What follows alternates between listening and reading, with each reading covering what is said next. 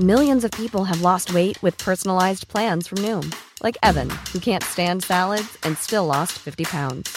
Salads, generally, for most people, are the easy button, right? For me, that wasn't an option. I never really was a salad guy. That's just not who I am. But Noom worked for me. Get your personalized plan today at Noom.com.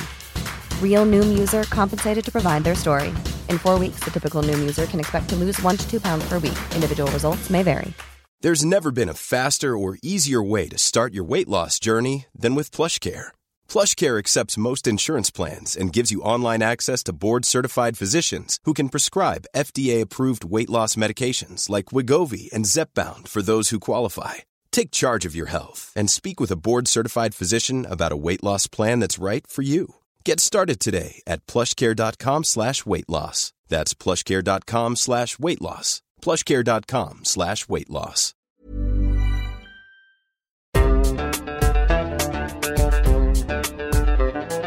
بودكاست صوت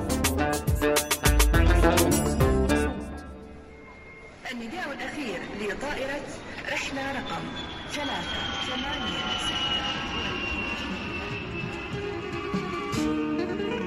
أنا طير طيار عديت أسوار أنا طير طيار Fly me to the moon. Let me play among the stars. And let me see what spring is like on uh, Jupiter and Mars.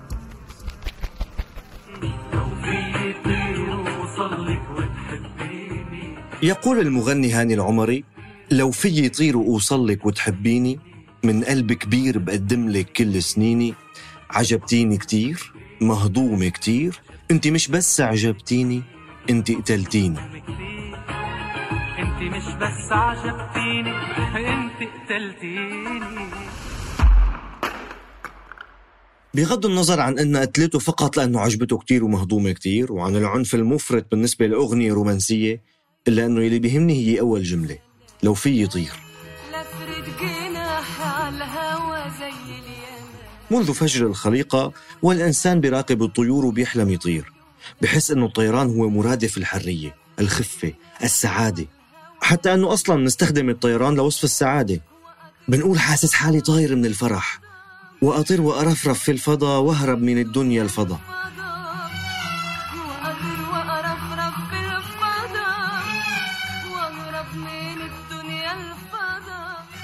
وكما نعلم بعضنا نحن بني البشر عنيدين. إذا حطينا هدف برأسنا بنضل وراه لنحققه والطيران كان حلم والحلم تحقق.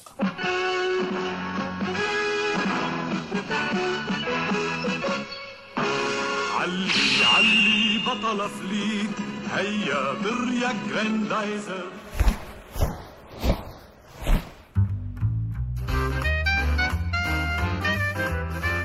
رأيكم يا شباب؟ نسميه من بيت؟ لا بالمرة سميه شجرة حبيبي من بيت يا شباب. وين فكر حالك قوة إلا بالله. معك حق بيت. مزبوط بس لا ليش حتى أنت يا شباب عم أفتح المعجم آه، من بيت من مرادفات كلمة أصل. وإذا أخذنا الأصل الجذر اللغوي. أهلين وسهلين ومرحبتين ببودكاست من بيت. من إنتاج صوت معي أنا بشر نجار.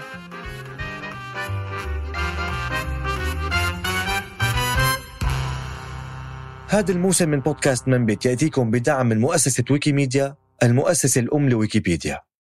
ما حدا بيقدر يحدد إمتى كانت أول محاولة للإنسان إنه يطير. كلنا بطفولتنا ركضنا ونطينا ونحن عم نرفرف بإيدينا المفرودين أو حطينا قماشة على كتافنا وفردناها مثل الأجنحة وحاولنا نطير. الإنسان بيعرف يمشي مثل باقي الحيوانات اللي شافها حواليه بالطبيعة. ممكن يتعلم يسبح مثل السمك اللي شافه بالمي. بس ما كان يقدر يطير مثل الطيور اللي شافها بالسما أسرته حريتها وانسيابيتها وجمالها. حس أنه الطيران بعيد المنال فربطه بالآلهة والكائنات الأسطورية. ربطه بالمستحيل. تحكي لنا الأسطورة الإغريقية عن إيكاروس ووالده دايدالوس اللي كانوا محتجزين بجزيرة كريت اليونانية. ولحتى يهربوا عملوا أجنحة من ريش وثبتوها بالشمع. ونبه دايدالوس ابنه إيكاروس وقال له يا ابني لا تطير بعلو منخفض لحتى ما يضربوا جناحاتك بالبحر وتوقع فيه. ولا تطير بعلو مرتفع حتى ما تقرب من الشمس ويسيح الشمع. لكن إيكاروس ما سمع الكلمة وقرب من الشمس والشمع داب. وقعوا الأجنحة ومعهم وقع إيكاروس بالبحر وغرق. ومنه جاءت فكرة المثل الأجنبي اللي بيقول Don't fly too close to the sun. أو مثل ما بنقول بالعربي ما طار طير وارتفع إلا كما طار وقع. بس اللي بنفهمه من هالقصة كلياتها هو استحالة الطيران بالنسبة للإنسان من زمان. بس مع ذلك ما بطل يجرب. وواحدة من أولى المحاولات الناجحة نسبيا صارت بالمكان اللي نشر الإبداع والاختراع والعلوم بالعالم كله الأندلس.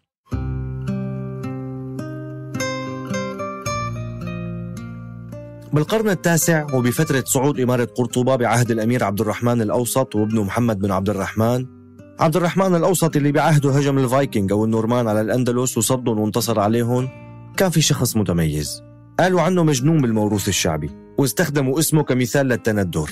صار نعت أو صفة لأي شخص بيحاول شيء مستحيل وبيفشل وبيضحك الناس عليه. مع أنه بالحقيقة يلي صار معه كان العكس تماما. وبين ما من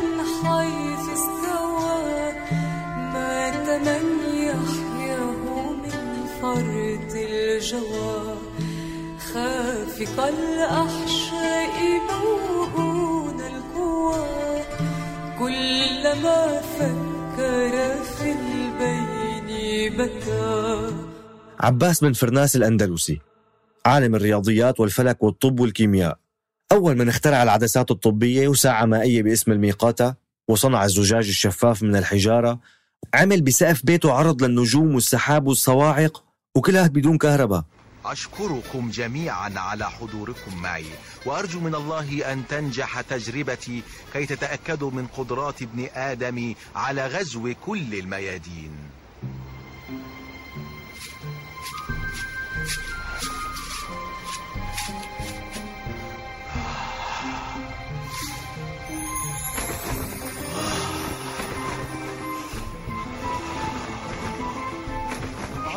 احترس يا عباس.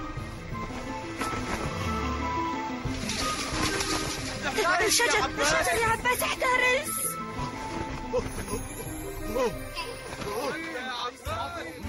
بس الإنجاز الأهم له كانت المحاولة المجنونة بس كان جنون الإبداع.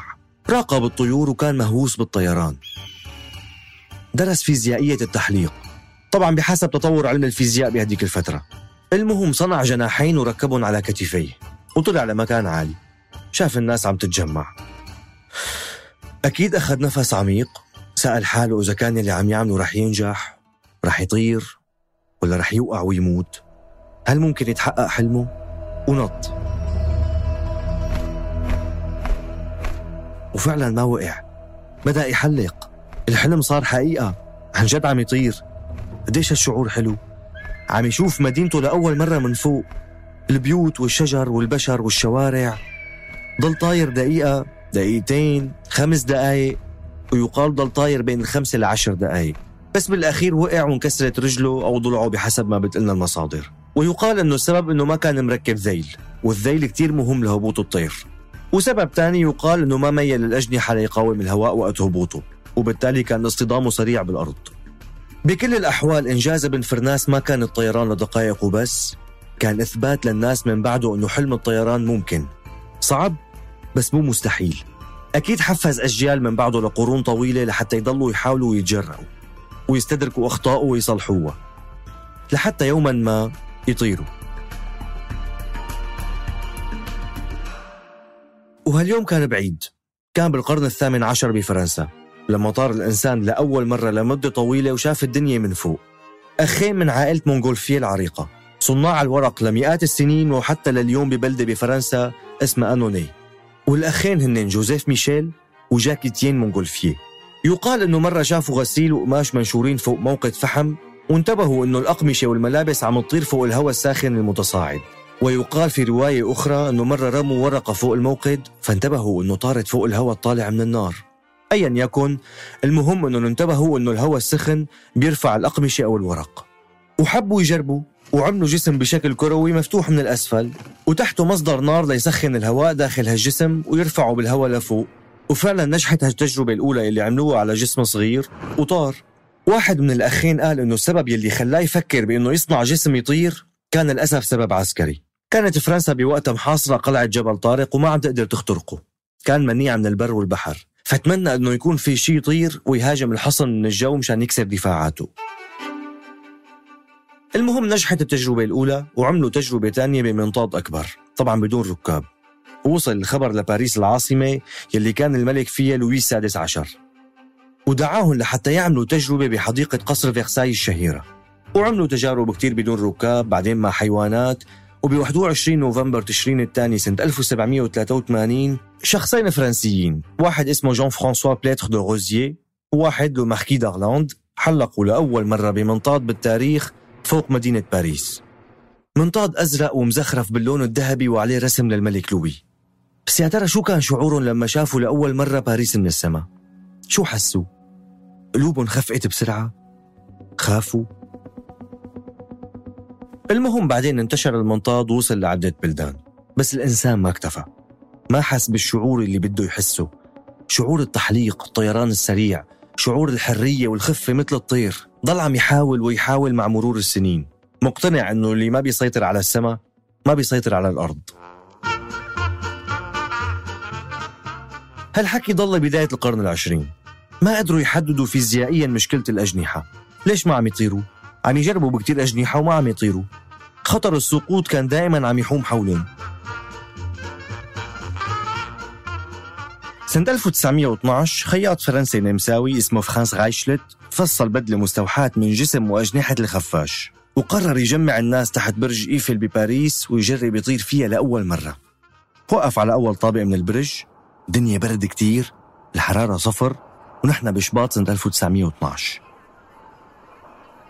الناس عم تنتظر وفي كاميرا عم تصور كل شيء عم يصير. المشهد موجود وفيكم تشوفوه على موقع ويكيبيديا. فرانز لابس بدلة سودا كبيرة بتشبه أجنحة وطواط حلم يطير. نفس حلم مئات الملايين بل مليارات البشر عبر التاريخ. تجرأ يجرب. شو راح يكون حجم نجاحي بالطيران يا ترى؟ يمكن غير التاريخ اليوم. لازم أحفظ تاريخ اليوم طول حياتي. 4 شباط فبراير سنة 1912 هي يمكن كانت آخر الأفكار اللي دارت براس فرانز قبل ما يقفز. القفزة الأخيرة. الكاميرا بتفرجينا كتلة سوداء وقعت من أول طابق ببرج إيفل من ارتفاع 57 متر عن الأرض. وهمدت. ما تحركت. بعدين بنشوف ناس عم يحملوا الجثة وشخص عم يقيس عمق الحفرة اللي عملها بالأرض بعد ارتطامه فيها. 14 سنتيمتر. فشلت التجربة. فشل قاسي وصادم. وكتار صار فيهم مثله. لدرجة أنه بهديك الفترة كانت تعتبر تجارب الطيران بمثابة انتحار محسوب بالورقة والقلم. بس الإنسان ما بيستسلم. عنيد البني آدم. ببرلين بنهاية 1800 كان في شخص مبدع. مهووس بالطيران وعم يدرس ديناميكية وفيزياء حركة الطيور. شكل الأجنحة حركتها رفرفتها. كيف بتكون الأجنحة أسمك من المقدمة وأرفع بنهايتها؟ لحتى تستقبل الهواء بانسيابية وتخليه يحملها. الذيل ودوره دور الهواء المحوري بالطيران. وراح كتب كتاب سماه كيف تطير الطيور. أوتو ليلينتال أبو الطيران الشراعي. قدر يصمم طيارة شراعية فردية ويطير فيها بضواحي برلين. وشغله وأبحاثه تعتبر من الأهم عبر التاريخ بدراسة الديناميكا الهوائية. يعني دراسة القوة المؤثرة على الأجسام لما بتكون عم تتحرك بالهواء. يعني بشكل مباشر أكثر الطيران. وطار ليلينتال طار عدة مرات. بس ضل الطيران تبعه هو عبارة عن قفز من مكان عالي تلة أو جسر أو أي مكان. بيطير لمسافة قصيرة وبيرجع بيهبط. وفي شروط كتير لتنجح التجربة يلي أساسا ما أشبعت شغف الإنسان بالطيران. شو ناقص؟ شو الفرق بين هالطيران والطيران تبع الطيور مثلا؟ الجواب هو القوة. الطيران الشراعي هو ركوب لموجات الهواء وبس. يعني ما في أي قوة تدفع الإنسان لحتى يطير. أما الطير فبيدفع حاله بقوة جسمه ورفرفة أجنحته. هالرفرفة بتكون مثل المحرك للطيران. تماما. الناقص هو المحرك.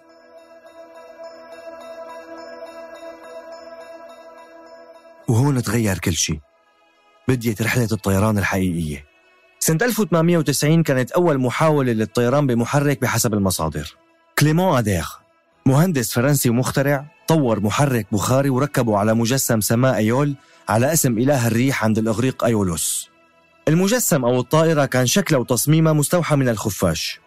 ارتفعت عن الأرض 20 سنتيمتر مو أكثر. واستمر الطيران لحوالي 50 متر. وانتهت التجربة بتحطم الطائرة. لهيك كتار من المؤرخين ما بيعتبروه أول إنسان بيطير. بس الأكيد أنه هو صاحب أول تجربة. وصاحب اسم أفيون بالفرنسي. طائرة بالعربي. من أفيس باللاتينية وتعني طير.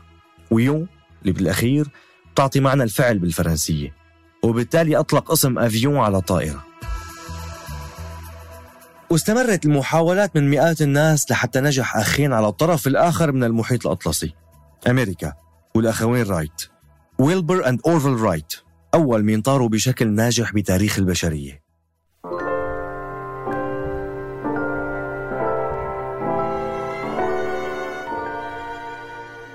الحكاية بتقول إنه بطفولتهم والدهم كان يسافر كتير بحكم شغله. ومرة هو وراجع جاب لهم لعبة بتشبه الهليكوبتر بوقتنا الحالي. مصنوعة من ورق وخشب ومطاط وضلوا يلعبوا فيها لكسروها. وقت انكسرت رجعوا صنعوها من أول وجديد. وبيقولوا إنه من وقتها ولد عندهم شغف الطيران. وب 17 ديسمبر كانون الأول سنة 1903 صنعوا التاريخ. أول طيران ناجح بمحرك عبر العصور. 40 متر تقريبا هي المسافة اللي قدروا يضلوا فيها طايرين بارتفاع حوالي 3 أمتار. Wright Flyer هي أول طيارة بمحرك بيقودها طيار بالعالم وكانت مصنوعة من الخشب والقماش. بتدور على ثلاث محاور. بترتفع وبتنزل لفوق ولتحت. بتروح يمين وشمال مشان الانعطاف. وبتميل على اليمين والشمال على محورها. يعني اتجاه مقدمتها ثابت وهي كلها بتميل لليمين أو الشمال. إنجاز الأخوين رايت المبدع بدأ رحلة الإنسان مع الطيران الحديث اللي بنعرفه. المبادئ اللي صمموها والحركات اللي بتتحركها الطيارة هي نفسها لليوم موجودة بأحدث الطائرات بالعالم.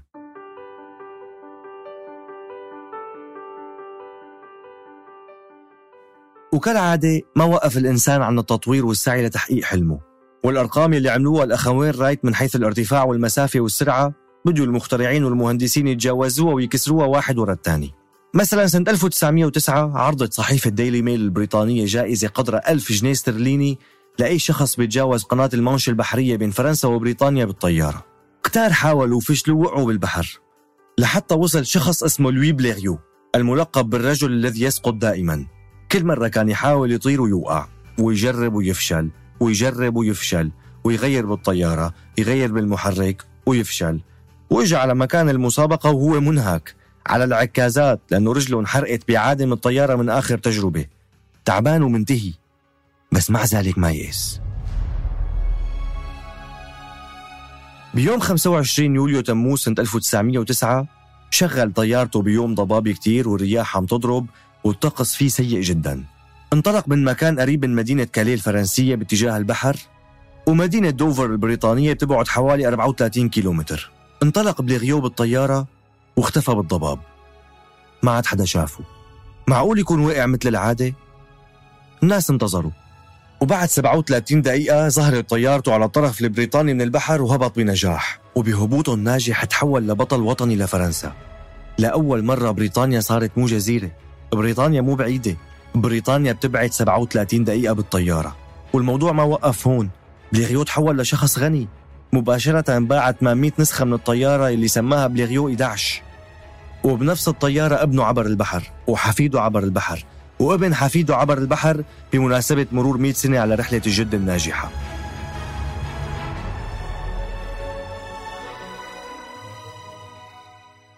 صديقاتي المستمعات بعرف إنه كل الأسماء لهلأ هي أسماء ذكور.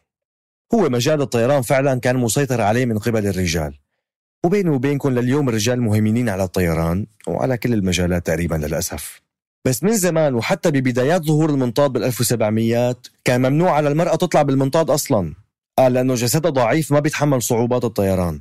عدا عن أنه عيب تطلع مع الرجال بالمنطاد.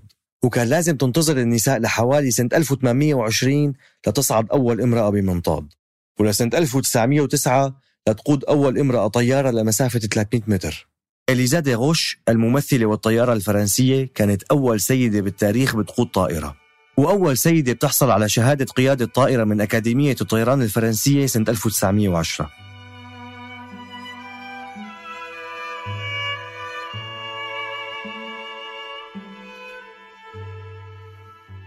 بس معاناة النساء بهالمجال ما كانت بسيطة. كتار من الطيارين الذكور كانوا يحاولوا إيقاف النساء من الطيران مثل الطيارة الألمانية ميلي بيس يلي كانت أول طيارة ألمانية تحصل على شهادة قيادة سنة 1910 كانوا الطيارين الألمان يضلوا يحاولوا يمنعوها عن الطيران لدرجة أنه يخربوا محرك طيارتها ويتسببوا لها بحوادث.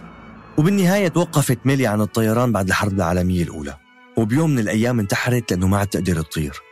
وتركت جملة على ورقة جنبها بتقول الحياة ليست ضرورية الطيران هو الضروري. بس كملت النساء برحلة الطيران. لحتى إجت إيميليا إيرهارت وكانت أول امرأة بتعبر المحيط الأطلسي سنة 1932 وبالفترة هي يعني ببداية الحرب العالمية الأولى الدول المتحاربة كانت لسه مو كتير مدركة لأهمية الطيران. وأساسا الطيارات كانت لسه على التصميم القديم. مصنوعة من مواد خفيفة وما فيها تحمل لا أسلحة ولا جنود كتير. بس مع ذلك خلال الحرب تم استخدامها. كانت تحلق فوق قطع ومدن العدو لحتى تاخذ صور عن تشكيلاته العسكرية وتساعد بتوجيهات ضربات المدفعية والقصف بالاتجاه الصحيح. وبنفس الوقت تم تطوير هيكل جديد للطيارة لحتى يقدر الطيار يطلق النار على الأعداء منها. ركبوا له بندقية جنبه على الطيارة واللي طور هالهيكل والأجنحة الجديدة هو نفسه الطيار اللي عبر البحر المتوسط لأول مرة سنة 1913 بالطيارة. الطيار الفرنسي غولان جاوس نفسه تبع بطولة التنس. هو اللي طور الطيارة لتصير تستخدم عسكريا بالحروب. وبعده اجى الهولندي أنتوني فوكر وطور على شغل جاروس وغير شكل الحروب ليومنا هاد صارت الطيارات الحربية تنصنع بالمئات والجنود صار حلمهم ينضموا لسلاح الجو يلي بيصنع منهم أبطال مودرن. والحرب شوي شوي صارت تنتقل من الأرض للجو. وخلال العشرينات بالوقت اللي كان فيه عم يتم تصنيع صورة الإنسان الحديث كانت هالصورة مرتبطة بشكل وثيق كتير بالطيران الحربي. الشاب الخارق الرومانسي الحالم القوي اللي بيطير. هيك كانت الصورة عنهم تحول الطيار الحربي لبطل وقدوة لشباب جيله. وبنهاية الحرب العالمية الأولى وهزيمة ألمانيا تم توقيع معاهدة فيرساي يلي حرمت ألمانيا من امتلاك سلاح جو. وفرضت عليها تسليم كل طائراتها الحربية المصنعة للمنتصرين أو تدميرها. وبعد الحرب دمرت كل الدول جزء كبير من سلاح الجو تبعها. بس خلص الآلة اللي كان يحلم الإنسان تعطيه الحرية وقت يمتلكها صارت سلاح ذو حدين. حلم الإنسان بالطيران والحرية تحول بجزء منه لسبب بموت ومعاناة ملايين الضحايا خلال القرنين العشرين والواحد والعشرين. وبنفس الوقت تحقق الحلم وصار واقع. والطيران اليوم أمر عادي وروتيني بالنسبة لمئات ملايين البشر حول العالم. الملفت للنظر بكل هالحكاية بالنسبة إلي هو فكرة آسرة فعلا. إرادة الإنسان الجبارة. ما استكان واستسلم وقال خلص أنا مخلوق أرضي. أكثر شيء ممكن أعمله هو إني أسبح يا أخي. مئات السنين وآلاف المحاولات من عباس بن فرناس للأخوين رايت ولليوم ما استسلم. بيوقع وبيقوم مرة تانية وبيحاول لحتى يوصل لغايته. وغايته كان إنه يطير ويحس بشعور الطيور. وتقريبا صار هالشي. بس بنفس الوقت ومثل كتير اختراعات رائعة عملها الإنسان وضع سعادته وموته بمكان واحد. وصنع من آلة بتشبه الخيال والأحلام وجه بشع حصد حياة البشر. وصار صوتها بيعني الموت والرعب للملايين. بسوريا في أطفال صار عندهم فوبيا وخوف من صوت الطائرات. بيتخبوا وبيصرخوا كل ما سمعوها. وقبلهم أكيد أطفال وكبار كتير بكل مكان. صارت الطيارة بالنسبة لهم كابوس للموت بعد ما كانت حلم الحرية.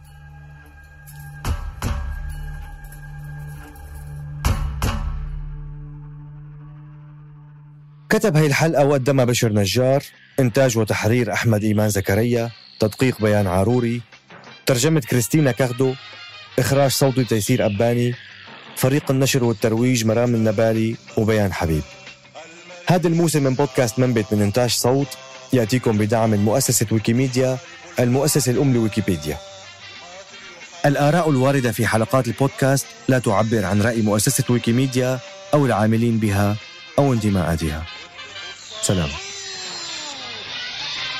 لقد حان الوقت قد بدأ النهار تهيأ تحضر.